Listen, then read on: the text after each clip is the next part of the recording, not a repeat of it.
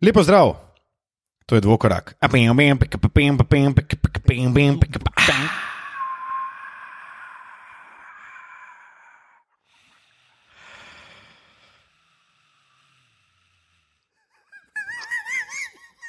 Pred nami je zaključek svetovnega prvenstva.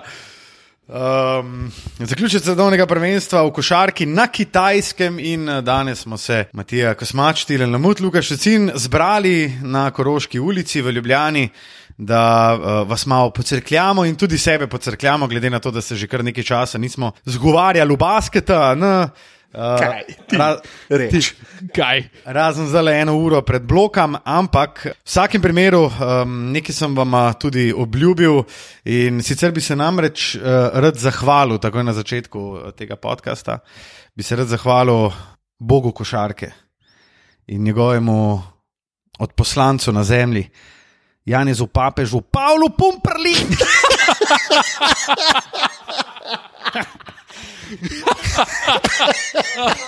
To, a, vrh, odjava. To je to. To je to. Hvala, lepo, da ste bili z nami.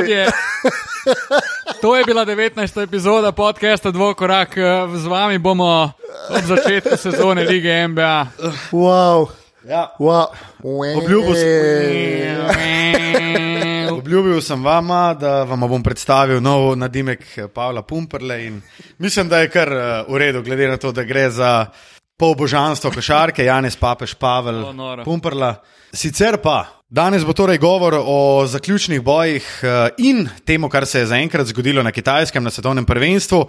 Um, najprej, tako kot ponavadi, neuraden začetek, uh, Tilen Lamut, Matija Kosmač, kako sta, kaj fanta. Ja, naj povem, da tukaj iz Koroške ulice se javlja Kripl bataljon, za katerega skrbita eh, Luka in moja malenkost. Eh, Dvokorak kru je namreč pod imenom YouTube Jazz in v dresih Pita Maraviča, Karla Malona in Johna Stocktona odigral vodiški turnir in zasedel častno pred zadnje mesto. Kaj pred zadnjim smo? Ja, bili? valjda ena ekipa sploh ni prišla. Ne, ja, zgubili smo vse te tekme, čeprav smo pokazali res uh, vrhunsko borbo. Mislim, da na trenutke sami sebe presenetili. tudi. Uh, predvsem se je pa presenetil Luka, ki uh, si je v trgu le, levo, ne, desno nogo v zadnjih trenutkih poslednje tekme v skupinskem delu. Ja, ti si si pa tudi bolj. Ja, jaz sem Ne, pa tako, ja, počakal na rekreacijo, pa počakal na en uh, stik s soigravcem, ki mi je vletel v levičko. Tako da, ja, oba da malo krumpava. Ja. Tilen, ti si pa nepoškodovan, slišim, razen psihično. Ko že človek misli, da bo dobil nekakšno pohvalo, se tam zgodi dis. Tilan, kako pa ti, ti pa brez poškodb, se mi zdi. Ja? Ja, glede na to, kar sta ravno opisala, bom rekel, da sem vredno. Super. Dobro, uh, tako kot ponavadi bomo naš podcast začeli danes. Uh, Mislim, da smo rekli, da bomo imeli sicer eno zelo tako kratko, ekspresno epizodo, ampak mislim, da bo Hejt Kotiček uh, tisti, ki nas bo zopet popeljal v neke globine in debate, iz katerih se ne bomo uspeli rešiti. Matija, začni. Jaz imam v dveh stopnjah tale hitko tiček. Prvega bom namenil Ligi NBA in sicer je pred dnevi prišel ven trailer za Breaking Bad film. In presenetilo me je to, da tako odmevna serija uh, je posnela film, in niti enega lika ni bilo, da se film snema. Film so posneli, film je redi in bo zunaj, ne vem, 1. oktobra, kdaj se mi veze. Matija, kam meriš? Ja, meram na ligo NBA, ne, ker tam jim pa likne vse stari, tam pa bolj puša, ker streha od Dilonta OS, ki je sploh nima, ker je brez domcu Dallasu, kar sem danes. Pa dobro, stari. Pa je uvedel zgodbo noter, Jezus, mene pa, mene pa cenzurirate. tretji nivo tega hejta. Ne, eh, res vse jim likne. Fucking urnik je mi liknil, kako se ti to lahko zgodi, da je urnik. Smo zvedeli te- predčasno, pa v čem je sploh fora. To je vse namenoma, se je liknil najprej. Ja, Malo no, uh, ni Christmas Games, uh, pol malo prva tekma sezone, pol malo uh, ta St. Patrick's Day, ali kaj imajo. Mislim, in zakaj pol- sploh postavljamo datume, zakaj postavljajo datume za free agency, zakaj kakršen koli datum sploh postavljajo, ker itak vse zvemo en teden pred de, de, dejanskim datumom, ko bi mogli. Mislim, meni je to kar slabo. Ampak se ne bi dotaknil tukaj. Se pa več govori za to. Ja, res je. Tilen tako le malce iz uh, poslovne plati. Uh, ne, to je bil tako zelo na hiter, uh, sem se jih spomnil. Drugi hejt gre pa uh, trenerju Grčije, uh, Skurtopolosu, če se ne motim, ki je prav užaljeno odreagiral na to, da naj bi bili mediji malce preveč udarni, ko ga kritizirajo, ker ni znal utilizirati Janisa Antetokumpa v grški reprezentanci, čež da v Milwaukeeju so lahko zgradili ekipo oko njega in tralalat, lepa mora razpolagati s tem, kar ima. Odigral je deset pripravljalnih tekem, prvo tekmo na svetovnem prvenstvu pa začel s Papajanisem, pa Janisem v prvi peterki, no pa da je prosante. Janis bi mogel itak igrati centra, ker drugega ne more igrati v Evropi. In verjamem, da tudi grška postava, ne glede na to, v kakšno je bil prisiljen Skortopolos, očitno zmore eno tako peterko, kateri bi lahko Janis prosperiral. Mislim, že to, da je šel omenjeni grški selektor, govoriti to, pa ni edini, ne? ker bo Tilan tudi kasneje um, dal ene par primerov, ne? ampak že to, da greš iskat težavo v tem, kar ne bi bila tvoja največja prednost, kar je pač bil Janis da on ga pa ni mogel izkoristiti do konca. Je to, to, je pa, to je pa največji bulšit, kar ga lahko kot trener, ki peleš eno izmed recimo, favoriziranih reprezentanc, ki smo govorili, da, da je Grčija med recimo šestimi, sedmimi favoriti. Je to sam znak šibkosti in neznanja, tako da bi se jaz kar strinjal in bi mu dal veliko črno piko Tako. Je. Cvek, uredovalnico. Dajmo se prišejati besedo utiliziral. Meni je to nor izraz. Luka se bo zdaj ne strinjal, ampak v podkastu je lahko, nucamo, ker ni tako uradno. Ne. Ne, Men, meni, je to, meni je to kar noro. No. Dajmo zdaj prišejte, če tale črnomalski izraz. Luka se bo zdaj ne strinjal. A, tudi lepa spakedranka. Ne, Ponosen na svoje korenine. In edino prav je tako. Um, jaz sem hotel samo še nekaj dodati. Z Lukom sva se ker sva zdaj oba dva malo bolj prosta zaradi najnih eh, bolniških odsotnosti. Sva se ravno med zadnjo tekmo Grčije malo dopisovala in govorila o Skortopolosu. Jaz sem šel, ker sem prvič slišal za njega, pogledati njegov rezime, kako človek kot je Skortopolos sploh postane selektor Grčije. In s skupnimi močmi smo ugotovili, da je brščas v zenitu svoje kariere vodil Panionios, pa sem na Wikipediji zasledil tudi, da je Panionios vodil le nekaj tednov in odstopil še pred prvo tekmo. Kar bi moral storiti tudi na tem svetovnem prvenstvu. to je bilo leta 2012. Ne, ja, mislim, mislim, ja, pa, nekaj tednov. Mislim, ti daš barcoka noter, pa ti Ja, če po ne mojem, drugega, so najboljša obrambna ekipa na prvenstvu. Tako, pa ti res izvleče iz te ekipe precej več, čeprav Barcoka so v zadnjih parih letih, oziroma od tistih dveh zaporednih naslovov z Olimpijako, sem praktično ni ničesar naredil in se ga od posod odpuščal, ampak mislim, da bi bil pa precej boljši v tem primeru. No. E, Tilč, zdaj pa lahko en lep segwayček do tebe. Ja, segway je pa nor. Ne? V bistvu, prej smo se že pogovarjali, kdo ima kjer hate. Pa, pa smo rekli, jaz sem rekel, da bi na splošno ene par trenerjev na tem prvenstvu pohejtal. Ker je to v enih reprezentancah, ki se imajo za resne, full resne reprezentance, kar malo smešno. En je bil gospod Skurtopolos. Hvala. Drugi pa je Romeo Saketi. Ta je pa taka laž. Dame in gospodje, italijanski selektor je po izpadu svoje reprezentance, tako imenovane izbrane vrste, pred sedmo silo dejal: Raven fizike, citiram, raven fizike, tako v smislu višine in neke velikosti, size, je neverjeten in iskreno nisem pričakoval, da bo na tej ravni na svetovnem prvenstvu. Čestitke. Krasno, gospod Saketi, hvala za sodelovanje in nasvidenje. Mislim, da greš pa ti izjaviti to. Folku, potem ko izpadeš svojo reprezentanco, ki je itak nimaš nobene višine in pol še to rečeš, to je glite, da bi pred celim svetom rekel, ne kot da, ampak dejansko je. E, a veste, jaz sem full, full slab trener v resnici. Mislim, da je bod tih. Pa zadrži to zase, ne pa da greš sem. Kako te lahko to presneti? Ja, kaj pa bodo se šetali gor in dol po igrišču, pa malo se gledali, mislim, halo. Pa meni je, ko sem pa to videl, je pa se čist pipalo. ne. To, to je pa, to je pa dvignila, kva. Res. S tem, da je tako nerelevanten podcast, kot smo mi, ne, kot je podcast Dvokorak, že v prejšnji epizodi govoril, da če imajo pa s čim italijani probleme, je pa z višino, sajzom in močjo. Ne. Ker imajo recimo drugega najvišjega, mislim, da je Danilo Galinari bil tretji, pa že Luigi Datome. In da ti gre pol to reči. Ja, veste, jaz pa nisem pričakoval, da bojo tako močni fanti klele igrali, veste. Obupno. Uh, imam pa še enega kandidata, ne hotel sem Grk, Italijan, pa ja, žal gospod uh, Aleksandr Saša Sale Đorđević.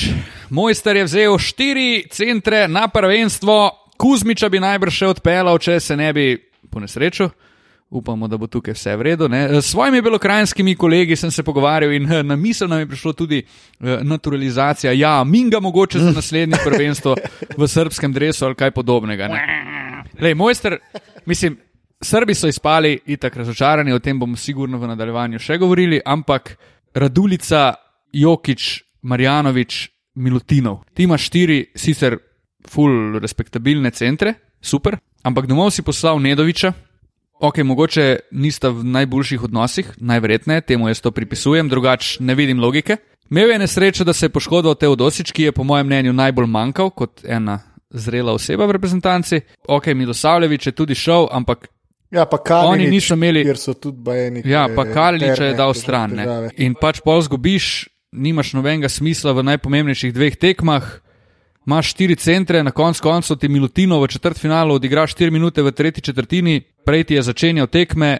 Ne vem, pač meni je Sale malo zgubil kompas sredi tega prvenstva, čeprav ga imam full rad kot trenerja, pa res mislim, da je on pravi trener za Srbe, tudi za naprej. Sem te poteze so bile malo boseno. Mislim, vsaj če že, ok, Nedovič se z njim ne razumeš, si ga poslal domov že ne vem, po 14 dneh priprav, full hitro, pusti doma Milutinova v končni fazi ali pa Marjanoviča. Radulica. Radulico boš vzel sabo zaradi staža, ker ga imaš tam, ne vem, ker si mu to dolžen, whatever. Ja, pa ker je igral na kitajskem, pa pozna dvorane. a Veš, Kak, kak, kakorkoli, pa čistilke, pa kakorkoli, enega od teh treh, Joleta, valjda jemliš, ne. Pust doma, pa vzem Kaliniča.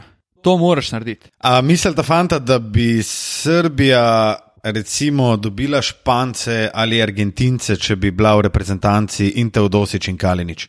Na mesto recimo Milutinova pa Joviča. Mislim, tu je zdaj smešno reči, da Pa sem. rečemo na mesto Joviča pa Simonoviča. Evo. Jaz bi rekel, da sem prepričan, da bi, ampak to je smešno reči, ker sem bil pred, pred prvenstvom tudi prepričan, da bodo Srbi igrali finale, gladko. In tudi po porazu Španci sem bil prepričan, da bodo Srbi igrali finale. ne. Tako da zdaj biti pameten je mogoče malo smešno, ampak imam teorijo o uvrščanju izkušenih igralcev v reprezentanci. Teorija zarote. ki jo bomo definitivno še slišali tekom današnjega podcasta. Uh, fanta, jaz imam pa v bistvu za svoj hate kotiček uh, eno vprašanje. In sicer, uh, vidva vesta, kaj, kaj uh, dela Kavi, Leonard, pa uh, Steven Kuri, pa um, kaj so recimo delali Ufuk Starica, pa uh, CD Osman, uh, da ne omenjamo seveda Serta Casanlija. Uh, In malo tako- satarnerja. In Tarnerja, a kaj veste, kva te fanti zdaj počnejo? A si danes gledal Donovana Mičela? Eh, Mičela sem zihar danes kaj pogledal. No?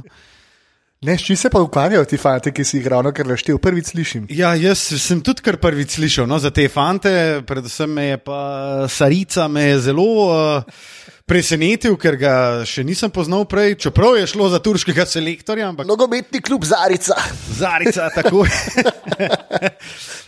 No, uh, moj hit kotiček je pa namenjen uh, sodnikom. U, lepa, lepa, lepa. Do, Bravo, bravo, bravo. bravo. Mislim, sicer vem, da to ni zdaj nek relevanten podatek, ampak danes sem eh, šel na, uh, mal na mednarodni splet, ne, na, na, na, internet sem šel, nima veze. Ja. Na internet sem šel in sem malo pogledal pač te sodnike. Ne. In vse vem, da je to nerelevanten podatek, ampak vem, 40 sodnikov, ki sodijo, ki delijo pravico na tem svetovnem prvenstvu, imata le dva aktivno Wikipedija stran. Uh, to, Oh, shit. Jaz sem rekel, da je nerelevanten podatek. No. ne, ne, ne. Ampak tako. To ni bilo zgražanje nad tabo, ampak nad naborom sodnikov. Ja, mislim, vsi vemo, že to, to gledanje za zapisnikarsko mizo, za vsak klinčev faul ali pa za ne vem, da je na mest 0,7 na, na uri 0,9 Obol. obol, ki je tekma plus 20, pa so bulet, kot so bile v prvem skupinskem delu, plus to, da včasih imaš res feeling, da te fantje ne poznajo fibinih pravil basketa. Um, jaz bi rekel, da so sodniki, v bistvu, da je ta spor med Fibo in Ulebom zdaj tudi uradno zelo vplival tudi na veliko tekmovanje, kot je svetovno prvenstvo. Glede na to, da smo videli neverjetne napake, pa vse se, vse se zgodijo, se tudi vemo, da med NBA tekmo v povprečju, kot je kazala analiza ESPN, naredijo 5 do 6 uh, napak, ampak take napake, ki jih oni delajo, ki so kar neki fantomski klici. Jaz tega ne morem niti ne. Niti ne uh, pozdraviti, niti ne razumem, niti ne vem, kako lahko tisti funkcionarji mirno gledajo to in rečejo, pa se je v redu sodniki itek se ne bi smeli sploh vplivati, ne bi smeli sploh vplivati na končni rezultat. Ne? Pa tudi, ko se reko, koliko napak naredijo. Pomembno se je zavedati, da igravci na tekmi, sigurno ekipa, naredi dosti več napak, kot pa jih lahko naredi sodnik. Ne? Zaradi tega je tudi nehvaležno pač kritizirati sodnike, ampak na šport je pač tak, da se na nekoga mora ta krivda zvaliti. Je pa res, da se na tem prvenstvu dogaja, da pride do situacij ala Francija, Litva, pač da je model 5 pogleda ta posnetek. To je najslabše, to sem jaz tudi hotel reči. Polno tu se lomi tekma. Polno stvari grejo pogledati, potem pa imaš feeling, da je res nekaj v ključnih trenutkih šlo na robe, oziroma je vredno ponovnega ogleda, če že ne drugega, takrat pa ne. Danes je bila recimo, oziroma ja, danes je bilo podobno. Na, na kaj danes? Sredo? Um, je bila eh, ZDA, Francija, ne, ki je tudi kole, pa dekolo, vsi so zahtevali, da gledajo in jim pač rekel ne. Za en duan, ja, dekolo. Za en duan, ki je bil čisti en duan. Ja ki je bil pač faul narejen med dvokorakom. Vidite, kako sem komponiral naše ime. Wow. Dvokorak. Wow, wow, wow. Um, Zgubil sem rdečo nit, ampak ja, um, veliko je bilo takih napak, da zakaj greš gledati, koliko je, če je 20 bule. Aj 0,8 in 0,9 do konca, take situacije, pa nekaj res lahko odloči tekmo. Um, tako da, ja, sodniki, bljak. Lepo si povzel, Luka, zdaj pa predlagam, da se odpeljemo kar do naslednje postaje, ki je ču, ču. Eh, prvi skupinski del. Prvi skupinski del tekmovanja na svetovnem prvenstvu, ki ga bomo lahko to preskočili, v njih 60 pik razlike, ki je bilo na ene parih tekmah, o tem se ne bomo pogovarjali. Ne In gremo uh, oceniti kar celoten skupen, uh, oziroma skupinski del, prvi, drugi, največje presenečenje, največje razočaranje, Jaz bi rekel, največje presenečenje je Češka. Jaz bi tudi rekel, največje presenečenje je Češka iz prvega skupinskega dela, plus največje presenečenje je Češka, ki so uh, guzili Brazilce. Ampak svojim božjim odposlancem v kolektivu to niti ne čudi. Ja, mislim, če pa kdo lahko, pa on ne. Ja. S tem, da smo dobili zelo velik. Uh, feedbacka na Pavla Pumprlo, in jaz verjamem, da smo v Sloveniji tudi vsaj deloma poskrbeli, da so bile tekme češke reprezentance malo bolj gledane. Jaz vem, da sem vse gledal, kar, ki so bile prenašane izključno zaradi uh, našega božjega odposlanca, ki je dejansko. Dejansko je dobro učpilo ene par tekem. Predvsem to, da danes proti Avstraliji, ene par res svetlih točk je imel. Že to, da mi je ene par ljudi na Twitterju napisali, zakaj ste se delali norca iz. Pavla Pumprle, oziroma pardon, iz Janeza Papeša Pavla Pumprle, ki je več kot očitno velik šef basketa. In jaz se pač strinjam s tem, se, se nismo delali norca, ampak. Prišel smo primek. Točno to, ampak Češka je z veliko njegove pomoči poskrbela za morda največje presenečenje prvega in drugega skupinskega dela. Uh, jaz bi tle izpostavil še Poljake, mogoče tudi za eno zelo poprečno reprezentanco so pokazali dobre igre konc koncev izgubil samo enkrat v skupinskem delu, tako da ja, prišli v četrt finale. Uh, presenečenja, jaz jih imam kar precej. No. Argentina me je mal presenetila s tem, ko je po skupinskem delu končala brez poraza, enako velja za Avstralijo, ki je premagala Francijo. Presenetile so me te reprezentance, da so prišle brez poraza naprej, eh, z neki velikimi zmagami. No. Tudi zmaga Španije, recimo proti Srbiji, me je presenetila. Razočaranja, Jih bo verjetno tudi precej. Za me je razočaranje tega drugega skupinskega dela, ampak smo se o tem že pogovarjali, da so tudi sodniki imeli uh, veliko veze pri tem. Je Litva, meni zelo ljuba reprezentanca, definitivno pa tudi uh, Grčija, pa konc koncev Brazilija, ki je v prvem skupinskem delu kazala odlične predstave, oziroma ko so imeli dan, sta dva starčka v bistvu harala. Predvsem, ja, ta skupina Kaka je bila sicer daleč najtežja. Si naj, v najbolj divjih uh, sanjah nisem mislil, da bo med uh, ZDA, Češko, Grčijo in Brazilijo šla naprej Češka skupaj z ZDA. Ja, to je res, ampak jaz bi še eno reprezentanco izpostavil Turke. Ja. Italijane tudi ne. Italijane manj kot Tudi jaz sem Turke. Sploh bolj- glede, po tist, glede na tisto tekmo z ZDA smo Ja. Turkov pričakovali, da so Pa smo se- pripravljeni.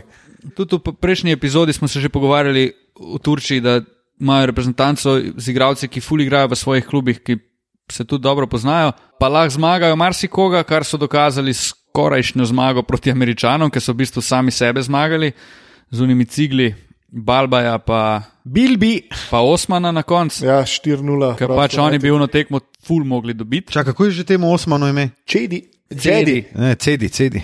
Cedi Osman. Podsedi se mi pod nosom. No, in po pa pridajo pač uh, tekma, kaj s Čehi. Ja, s Čehi so igrali. Ja, ja, ker so jih In vozili pač za osme. zgubijo, ne? in izpadejo, mislim, škoda, škoda. Oktavija. Um, ja, jaz bi mogoče še dodal neki reprezentanc med manjša presenečenja. In sicer recimo to, da se v drugi del uh, prebila Dominikanska republika pred Nemčijo. Recimo, um, je bilo tudi z dežel, ki jih manj poznamo, nekaj prijetnih presenečenj. Portoriko je pokazal, da ima en košarkarski renome, da, da so košarkarska nacija, konc koncev. Um, manjša presenečenja, ampak vsem, mislim, da si zaslužijo, da jih omenimo. Zdaj pa ja, eh, iz eh, teh razočaranj in presenečenj smo dobili najboljših osem reprezentanc, in ravno danes, na sredo, smo si pogledali še zadnja dva četrtfinalna boja. Najprej pa tisti, ki je najbolj zaznamoval četrtfinale, prvi na sporedu Argentina-Srbija. Zmaga Argentine na koncu 97-87, ampak mogoče rezultat niti ne da pravice tej tekmi. Mislim, da so bili Argentinci kar za razred, skoraj za razred boljši od Srbov. Ma, no, mislim, jaz ne bi rekel, da so bili za razred boljši, so pa zasluženo tekmo dobili. Ker so pač igrali lepšo in boljšo košarko v tej tekmi. Dva igralca, Facundo Campaco pa Luis Skola Šola, to je noro. Ne? V bistvu tudi ostali, od Garino, Vildoza, vsi so dali svoje. La ampak- provitola. La Provitola, vsak po malem, ne, kar v končni fazi tudi rabiš, ampak to, kar delata, v bistvu že celo prvenstvo. Argentina je brez poraza. Kampaco in Skola je nekaj fantastičnega in težko je, jaz sem upal, mislim, želel sem si, da Srbi zmagajo, da gredo naprej, tudi verjel sem, da se bodo full hitro pobrali po unem debaklu Španijo, ko res niso imeli ne glave, ne repa, ampak to se mi je pol ponovilo zdaj proti Argentincem in so pač izpadli iz prvenstva. Ne, težko pa ne privoščim Argentini, ker so pač igrali res full lep basket, še skozi ga igrajo in vsaka čast. Jaz moram reči, da mene je Argentina ful pozitivno, presen pozitivno presenetila pred Srbom. Um, tako kot smo prej rekli, pač mogoče Srbi z nekaterimi malo bolj izkušenimi igralci bi lahko to lepo zamejili, ampak že takoj, mislim, vse Argentinci so praktično imeli tekmo od prve do zadnje minute pod nadzorom. Um, Facundo Campazo je, mislim, dober. Vodili so dos, pa so se Srbi vrnili nazaj. Z izjemo ampak- enega vodstva Srbov. Tako. V bistvu so, mislim, da imaš ti proti Srbiji, ki smo jih uvrščali med prve dva, tri favorite za naslov svetovnega prvaka, da Argentinci v bistvu s tako igro, mislim, Klesta Skola pa Kampazo spet pokazala, kaj pomeni izkušnja iz, oziroma bogate izkušnje iz evropskega basketa s, Fibini, s Fibinimi pravili. Ne. Kampazo je odigral tako šefovsko, šefovsko tekmo, da mu noben Jovič, noben srpski playmaker, ne branilc ni segel do kolen. Kampazo je dal 18 pik, 12 asistent, 6 skokov. Fant je moj v 40 minutah. S tem, da ni bil niti najboljši strelc svoje reprezentance. Kampazo je odigral tako pametno tekmo, kot mogoče, ki mi, ki smo delali veliko tekem Eurolige. Pa smo bili vedno Kampazo, je ta igralec, ki dela neumnosti Ja. Ja. Ja. Jih naredi ene, tri, štiri na tekmo, pa si misliš, pa dobro, kvaga ta laso, rin noter v peterko, pa v prvo peterko, če veš, da je v najboljšem primeru drugi play za Ljulom. Ne? Oziroma, pardon, za Jujem, uh, kakor nekateri izgovarjajo. Jaz si nisem nikoli mislil, da bo Kampaco tisti, ki bo najbolj zrelo odigral po Argentini. Ja. In to celo prvenstvo, v bistvu. da jih v ključnih trenutkih rešuje s svojimi akcijami, je za me. On je bil moment, kot si rekel, malo indijanca. No, Točno to. On, on, on je bil skozi Indijanc, meni tudi pri Realu, ma ni, niti ga ne rad gledam in mi je vse skupaj cela zmešnjava, ko on igra. Ampak to, kar pa dela zdaj za repko, je pa noro, hkrati pa daje ta nek prepotreben navdih ekipi, se mi zdi. Pač Argentini igrajo, Argentini, Argentinci igrajo z nekim res hudim navdihom in se vidi v njihovi igri, da flow je full lep. Oni se nikdar ne ustavijo, igrajo svojo igro.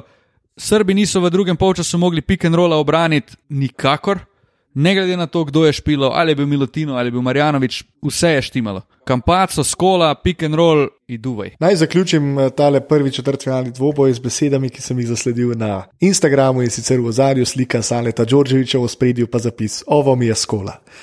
Pa nadaljujemo. eh, Čakaj, sorry, jaz bi sam nekaj še povedal. Vaju je ta pot Srbije na kaj spominjala? Ker mene je in sicer ful na olimpijske igre v Sydneyju. Če se mogoče spomnite, kaj se je takrat dogajalo. Takrat so v bistvu Srbi pred turnirjem imeli v javnosti, recimo, če jih kdo lahko ustal, so to takrat američani, se sem si prav zapisal. Srbi so takrat štartali, tako kot na tem prvenstvu, s štirimi zmagami. Uh, v zadnji tekmi drugega skupinskega dela so izgubili proti Kanadi in kasneje izpadli. Uh, ta poraz je pomenil, da so, se, da so padli v del žreba, ker so tudi američani, kot se je zdaj zgodil. Uh, potem so pa v četrtfinalu igrali fantastično slabo proti Litvi, jih podcenili in izpadli takrat iz olimpijskih iger. In to je praktično identična slika, kot kar zdaj, 19 let kasneje, ko smo jih imeli za favorite, ko so odlično začeli, ko so slabš nadaljevali in ki so potem čist padali. Po, tej, uh, po, tej, uh, po, po tem porazu Španci. In jaz mislim, da če ne bi bilo tega poraza Španci, da bi oni Argentince dobili. No. Vse skupaj ful dobro zaokroži izjava Belice po tekmi. Kaj je pač rekel, mi nismo bili pripravljeni na to tekmo. Mi smo, nismo vedeli, kaj delamo, nismo vedeli, kaj hočemo. In to je bilo tudi ve- več kot očitno. Oni so igrali basket, ki ni bil dorasel v četrtfinalu, vključno z Nikolo Jokičem. Bom rekel, čeprav, če gledamo zdaj njegovo statistiko, je to vse ok, super zgleda, 16-10 mislim, da je imel, ampak on je delal napake, kada je kadet na igrišču.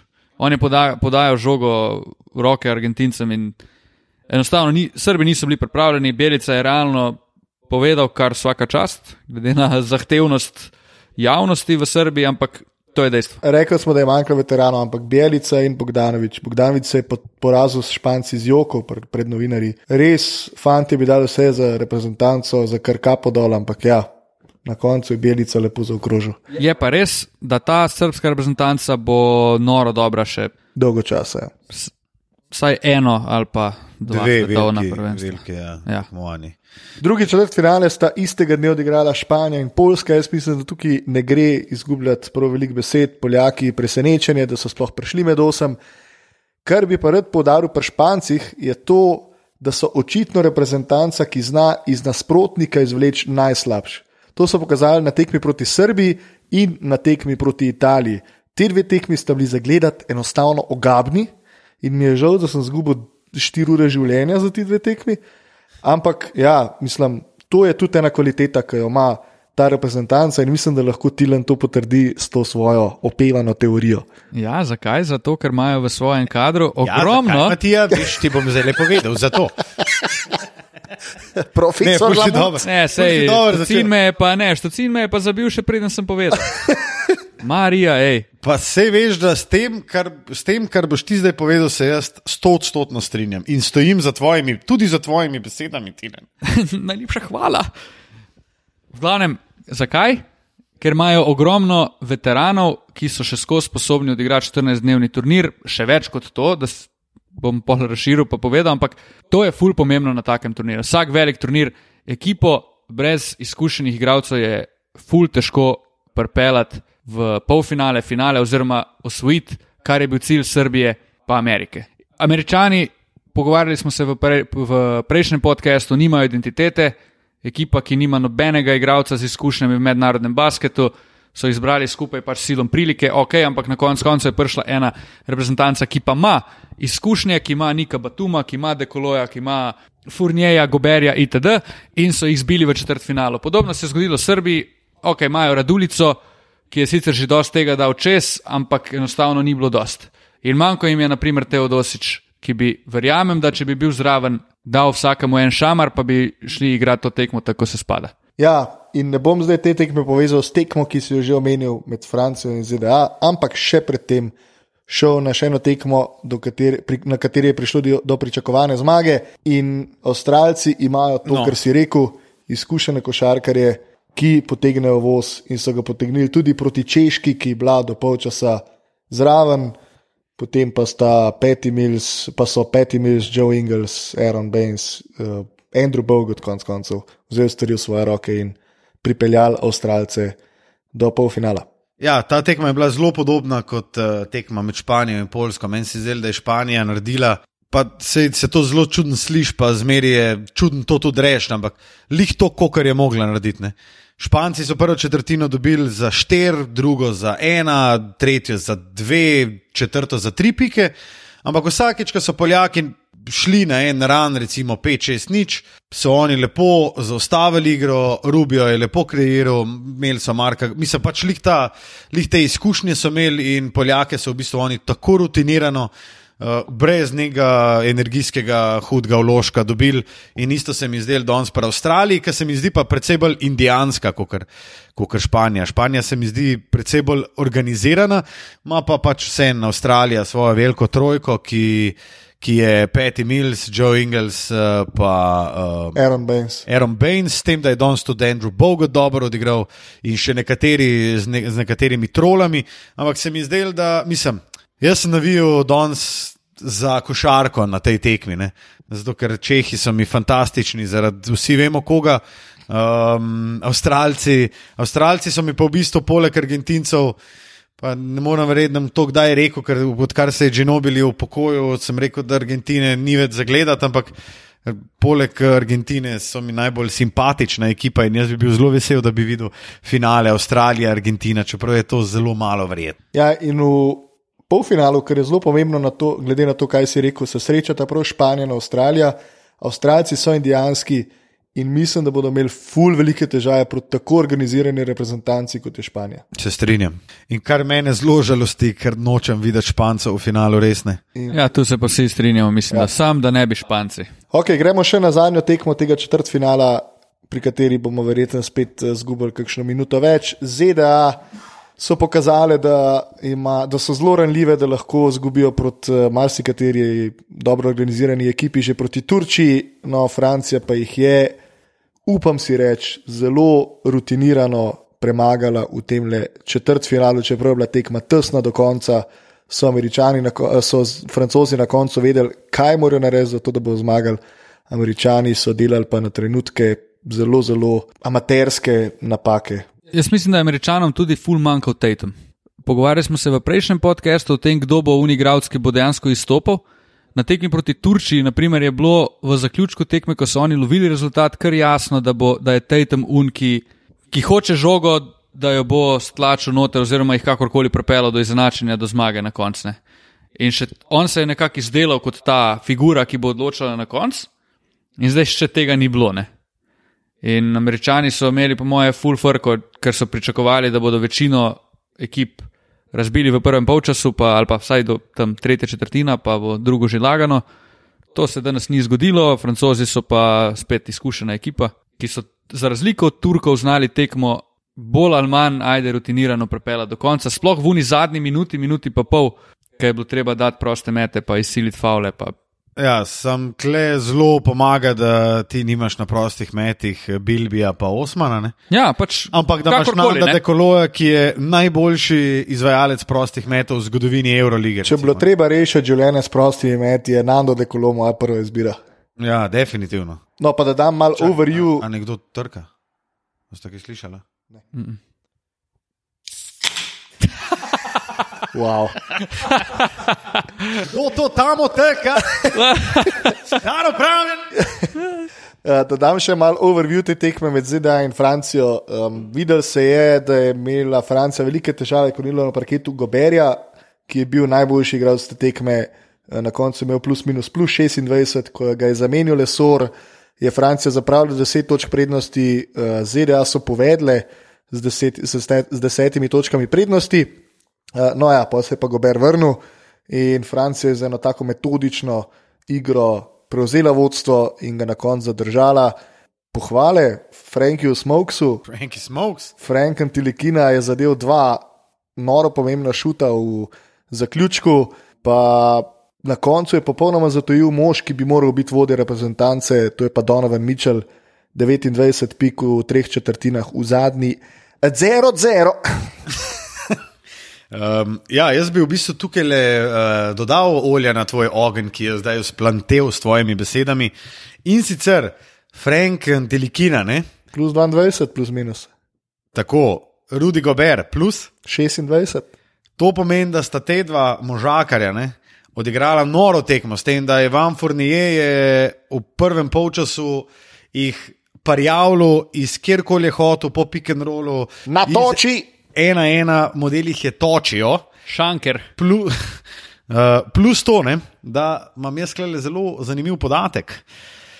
Francozi so za ekipo Združenih držav Amerike zaostajali za 7 točk, 8 minut in 11 sekund pred koncem tekme, potem pa je v reprezentanco oziroma na parket pri Franciji vstopil Frank Tilikina, Frankie Smokes in Francija je od tistega trenutka dalje dosegla 17 točk več od Združenih držav wow. Amerike in Telikina sicer je dosegel samo 7 točk, da ne bomo zdaj rekli, da je on vse naredil, ne? uh, kar je več kot Kemba in Donovan v zadnji četrtini. Kaj vam to pomeni? Kaj vam to pove? Da se je New York zajebal, ko je njega zbral.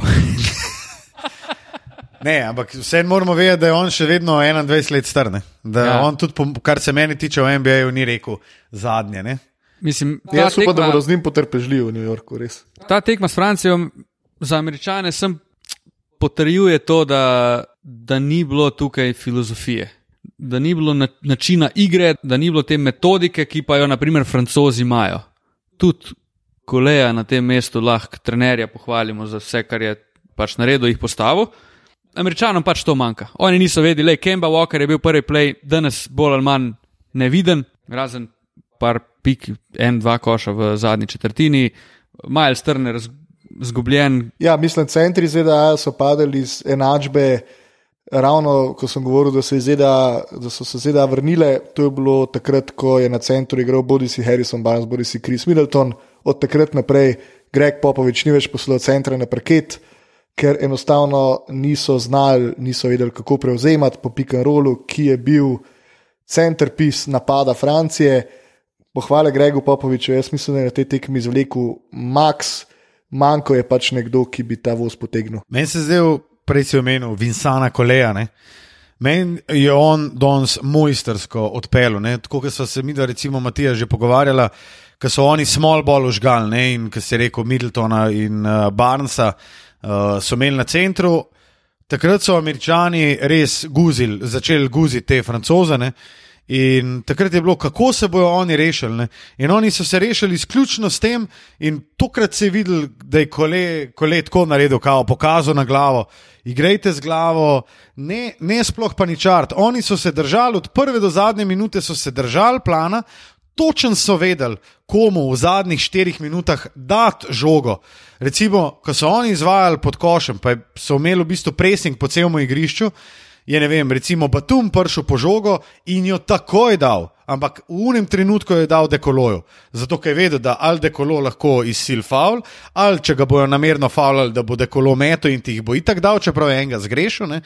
Uh, in to je bilo meni res zakon. In vsakič, ko je kolega pokazal, je on pokazal tako na glavo, češ igrajmo pametno, držimo se tega plana. In to je bilo meni v bistvu najbolj impresivno, da oni ni, niti niso zapaničarali. Sploh niso naredili nobenega, ne se niso adjustali. Igrajo so Ja. Točno to. isti basket ja. kot do trenutka, ko so videli 10 pik. Točno to. Oni so vodili za 10 pik, dvakrat v tretji četrtini, igrali isti basket do tistega trenutka, ko so zaostajali za 7 in igrali isti basket do tega, ko so pa zmagali. Za... Edino zamero, ki imam jaz mogoče, pa niti ni zamera, ampak lahko bi probil na mestu z lesorjem, malo tudi s porejem. Edino to, Ja. To me ni naredil, to me je presenetilo, ampak v redu na koncu je šlo, kot se je mogel. tako S da. tem, da meni bo reje, Meni je igra. meni je on igrač. Meni totalno. ful dobr, res ful dobr. In tudi mislim, da se bo znašel v NBA, ampak to zdaj ni tema. Francozi so na tej tekmi delovali, ko pogledamo za nazaj, bolj kot favoriti, kot pa američani. Oni so igrali kot, Oni da- so narekovali tempo. ne. ja, on, oni so, da oni vejo točno na kak način lahko to tekmo dobijo in točno na tak način so jo tudi dobili. Ja, američani so se mogli prilagajati njim in ne obratno. Ne. To je bila po letu 2006 in Grčiji prvi poraz eh, američanov na mednarodni tekmi z NBA. 58 tekmah, Ja, ja, 58 58 zmagah ja. zapored na uradnih tekmovanjih. Ja, tekmah. in ne boste verjeli, to je prvo veliko tekmovanje, prvo svetovno prvenstvo, pravzaprav, ko ne Srbije, ne Združenih držav ne bo v polfinalu. Od kar poznamo basket svetovna prvenstva, stari moj. Posta pa ekipi igrali za peto mesto. Tako. Kdo bo zmagal? Srbija. ZDA. Jaz sem tudi za Srbijo. Um, tekma je jutri, upam, da bo podcast že objavljen ob enih. Ja, Snemamo v sredo. Če už razrezu, cik, cik, cik. Mi imamo pa tale breket, zelo kratek uh, za napovedati. In sicer zaključili smo s Francijo, igrala bo Francija z Argentino v polfinalu, koga napovedujete v velikem finalu. Sem ne Španci. Dajmo najprej Argentince, pa Francoze. Jaz pravim Francozi. Jaz. Francozi. Jaz. Čeprav, čeprav ne. Ampak ne, to- ne, ne gled, ja, no, Če bi Argentina ja, igrala ne, tako kot proti Srbiji, jaz pravim, da tudi Francozi letejo. Mislim, mene ne bo presenetilo, če bodo Argentinci, Enako. če bi pa mogel zdaj staviti, bi Tako, stavil na tako. Francoze. No, Evo. pišemo. Ja, Bratilo. niso pa, niso pa kakšni občutni favoriti, tudi v mojih očeh ne. Španci in Avstralci, tukaj smo tudi že malo nakazali, kam se nag- nagibamo. Vsi bi raje videli zmago Avstralcev, ampak napovedujem pa zmago Špancev. Torej, Španija, Francija, finale. Mene je tega španskega basketa v bistvu malo strah. Ja, Bodo na koncu dejansko bili svetovni prvaki z reprezentanco, ki smo jo vsi gledali, pa smo rekli, da fuck. Ja, pa da res nimajo veliko dobrih igralcev. Ne? Pa kup reprezentanc, ki smo jih res radi gledali, Ja. pa so, se nas, pa so nas malo presenetili s svojo igro. Zmagala bo pa reprezentanca, ki igra najmanj gledljiv basket in kot rečeno, mislim, da izvleče iz vsake nasprotne reprezentance najslabše. Tako, um, vaše napovedi pričakujemo na naših socialnih omrežjih. Bo pa Luka nas popeljal sedaj še v svet socialnih omrežij, oziroma ocen, ki ste nam jih privoščili v zadnjih tednih in mesecih. Uh, tako da Ja, Matija, na hitro bomo preleteli uh, komentarje na Apple Podcasts, kar nekaj se jih nabrali, glede na to, da že od eh, konca prejšnje, minule sezone lige NBA in v bistvu že med končnico nismo nobenega prebrali, sicer mogoče bomo kakšnega še enkrat, ampak um, G. Ambrož 77 je napisal pod naslov Wuhu. Decid, končno imamo tudi slovenci en res kvaliteten, proper podcast o NBA. Meni je tole res super, dejansko lahko med službo dam slušalke v šesa, delam zraven, pa poslušam dvokorak in na full zabaven način še vedno dobim kvalitetne informacije o NBA-ju. Bil pa bi kumad vesel, če bi naslednjo sezono tudi s tedensko frekvenco zabavali in informirali svoje poslušalce. Keep it up. Jaz bi bil komat vesel, če bi se ti podcasti sami izrezali in prštimal, pa bi z veseljem snimil dva na teden, tako pa mislim, da bomo hranili uh, vsaj do playoffa, ker frekvenco dveh tednov uh, upam, da nam ne zameriš. Ne, jaz tudi, tudi upam, da nam uh, G. Ambros 77 ne zameriš. Um, sedem, kikiriki sedem je naslednji. Wow, wow, wow. Wow. ki pa je dal pod naslov Krohot. NBA sem ponovno začel več spremljati v tej sezoni, vemo zakaj. Na podcast sem naletel slučajno. Verjamem, da je pogled trija dio strokoven, definitivno pa ste izjemno duhoviti, le tako naprej, fanti. Hvala, Kikiriki 77. Uh, Anej R je dal pet zvezdic, napisal odlični in potem super zadeva v tem prostoru po dolgem času, kvalitetna MBA vsebina, pa še zabavna. Del tega je tudi, da ste včasih PG-18, to se pravi, da nismo primerni za otroke do 18. leta starosti. Ne delajte preveč family friendly podcasta. En fotor zadnjič, ki se je tudi oglasil v, v uh, komentarjih Tako in je. nam zasolil štirico. Um, Eh, Ki Luko več kot očitno še zdaj malo peče. ne, ne, ne, meni štirica prav noč ne peče. Peče me pa ocena številka tri, ki smo jo dobili, oziroma uh, ocena tri, ki smo jo dobili, ker to je pa pač ko. Uh. Veš, ko poslušaš, pa radiš. Eh, ja. Okay. Prav meh. A to smo zdaj dobili, ali je to una, ki je bila Ne, ne, to smo brez komentarjev? Ne, To to smo pa zdaj enka. med poletjem dobili, to je ker bila nas ni enka. bilo. Wow. Ja, ker nas ni bilo. Uh, smo pa vmes dobili tudi uh, eno enko. Ne? Brez Ja, obrazložitve. Mislim, Lej, ja, brez obrazložitve. Ne, ne, ne, en nam je dal, pa je rekel sam zato, ker sem žleht. Ne? Uh, pa uh, a je rather ghastly friend of, oziroma fan of yours. Tudi to je treba. Ne, ampak jaz sem bolj malo razmišljal, ne? kdo ta fakt ti da, ti da enko. Ne? Ja. A veš, da so te modeli, oziroma modelke. To je, to je un model, ki mega naliva od zunaj. Pa ti hodiš ob cesti in ti on z avtom pretegne čez lužo in te zalije. To so te veš, oziroma modelke. Ne? Ali pa un model, ki hod recimo z dvema peroma uriti po cesti in vidi eno kanto in jo kar tako malo odlom in jo postavi na sred ceste, da se pač en avto noter zabije. Ne? Ali pa, ali pa, ne No, vem, Luka, mečka. ali pa modeli v gozdu, ki dajo strup v hrano. Pa, Ja, tako. si- no, Ja, točno, veze. ja, to je tudi dobro vaše Luka, bravo, čestitke. Uh, to je bil ANR, ki pa je dal še um, predlog, lahko bi kdaj obdelali košarkarske filme, serije, dokumentarce, ki jih je vredno pogledati in to se meni zdi fantastična ideja. ne. Prav, tudi. tudi meni. A gremo na hitro, kdo je, kjer je naš najljubši košarkarski film? Coach Carter. Coach Carter, wow. Ja, meni je Coach Carter tudi ful všeč. Meni je Hoop Dreams. Meni je najjači Space Jam 2. Oh, wow. Ne, Hoop Dreams, Hoop Dreams je pa Ja, res. pojmo čim prej naprej. Ne, zato ker jaz hočem dati eno ful dobro idejo, oziroma Ne, Hoop to bomo naredili, nujno. Je film, ki si ga vsak fan basketa mora pogledati, dokumentarni film in tudi dva, d, d, dve, dva poznana lika, oziroma dve poznani faci sta tukaj. Um, naslednji je Drejc. Drejc S je napisal. "Rrrra." Kako mi je uspelo spregledati ta podcast, do pred kratkim mi ni čisto jasno, ampak je bilo pa toliko bolj sladko. Ubit 13 epizod v treh dneh. Wow. Wow. Svaka čast. Svaka Točno čast. to. Super Moj kemija. poklon. Super kemija, zanimive teme. Res je, kot je to omenil že nekdo pred menoj, manjkalo je nekaj takega v slovenščini. Imam pa za vas eno vprašanje. Eh, Kot verjetno edini fa fan Pelikanov v Sloveniji, kaj lahko Wow. pričakujemo od njih, sploh od menedžmenta v naslednjih petih letih. Uh, Drejč, to je vprašanje, ki, na katerega bomo odgovorili ob napovedi sezone. Um, PS, komentatorju pred mano, ki je dal eno zvezdico brez obrazložitve, slajdni mi v DM na IG, at Drejc, s, da ti vrže mene par trico faco, ko boš le imel čas. Ufiko! Parjavam, trole v Fiko, PS, dve Griffin je rebuildal Pelikanse v 12 tednih, lol. Res je. Fantastičen Prav, komentar. Res vrhunski. Uh, David Romih, kot zadnji, pet zvezdic, naslov pohvalno, super podcast. David, hvala ti lepa. Imamo pa še to pred koncem, 99 ocen na Apple Podcasts, čakamo na stoto in upam, da bo lepa. Jaz bi dal enko. Ne, da tenke. Nekaj bi si jo zapomnil, ne? Ja. Vedel bi, ti veš, stota je bila pa enka. Pa še tretja enka bi bila, veš, tri Ja. cifre. Sem. Wow.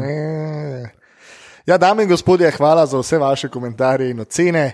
No, Kot ne vedno čisto cenimo. Vse ocene. Uh, Pa še jih bomo brali, tako da še kar kom- komentirajte. Tudi ja. Na Twitterju ste zelo uh, dejavni, velikih je bilo, po prvi epizodi pa hvala vsem, ker ste nas tako lepo sprejeli nazaj. Tudi Anže Tomič, naš nadrejeni, recimo uh, pri tem podkastu oziroma mreži Apparatus, Guru. je rekel, da je bil prav lepo presenečen, kako, nas, kako so nas lepo ljudje nazaj sprejeli. je. Je rekel, da je bil, je bem ti so vas lepo sprejeli nazaj. Ti reč, no, a ne? Še naš, veš, še pižamca, pa Ja. ja. nahbarja ne sprejme tako Ej. lepo nazaj. Ne rekel, no. Ne a, ne, rekel. a ne, da ne rekel. Ja, kaj. Tako da hvala, hvala, res. Ja. Res hvala. Uh, še se nam javite, no? kot rečeno, smo dosegljivi na družbenih, oziroma družabnih, oziroma socialnih omrežjih, Facebook, Twitter uh, in Instagram. Tile namud, Lukaš Tucin, Matija Kosmač, ni pa to vse z naše strani. A ja, pa še nekaj. A povemo, Jaz ne bi povedal, jaz bi sam rekel, da smo nekaj naredili, na kar smo ful ponosni in kar se bo morda videl, oziroma prišlo v javnost čez nekaj časa. mislim, ful ponosni. Pa, Jaz sem ful Bilo- ponosen. Ja, bilo, nam je, bilo nam je ful kul, cool, no. Mislim, jaz sem ponosen. V čast, v bistvu. Tako, jaz sem ponosen, da sem lahko to počel, oziroma da se je to dotično dotikalo tudi nas treh. Tako, in na tem mestu gre še ogromna, ogromna zahvala enemu od naših poslušalcev, zaradi katerega se je to v bistvu zgodilo. Kar ne jim dropen. Ne, ne morem, Ne smeš. ker ne vemo, kdo je Ja. to bil. Vemo Ampak- samo, da je bilo na Redditu Tako, kdorkoli pa je to bil, vsaka čast. in hvala lepa. za to izkušnjo. Ja. Mož z Reddita. Mož zredita. Ja. Ja. Anonimnež, ki se lahko javi tudi v komentarje. Tako, lahko nam slajdne v DM, ta star. To je to. Um, ja. Hvala za vašo pozornost, drage poslušalke in cenjeni poslušalci. Z vami je bila ekipa Dvokoraka, ki se v vaša ušesa vrača čez točno dva tedna. Sayonara. Arrivederci. Sija! Ču, ču. Wow.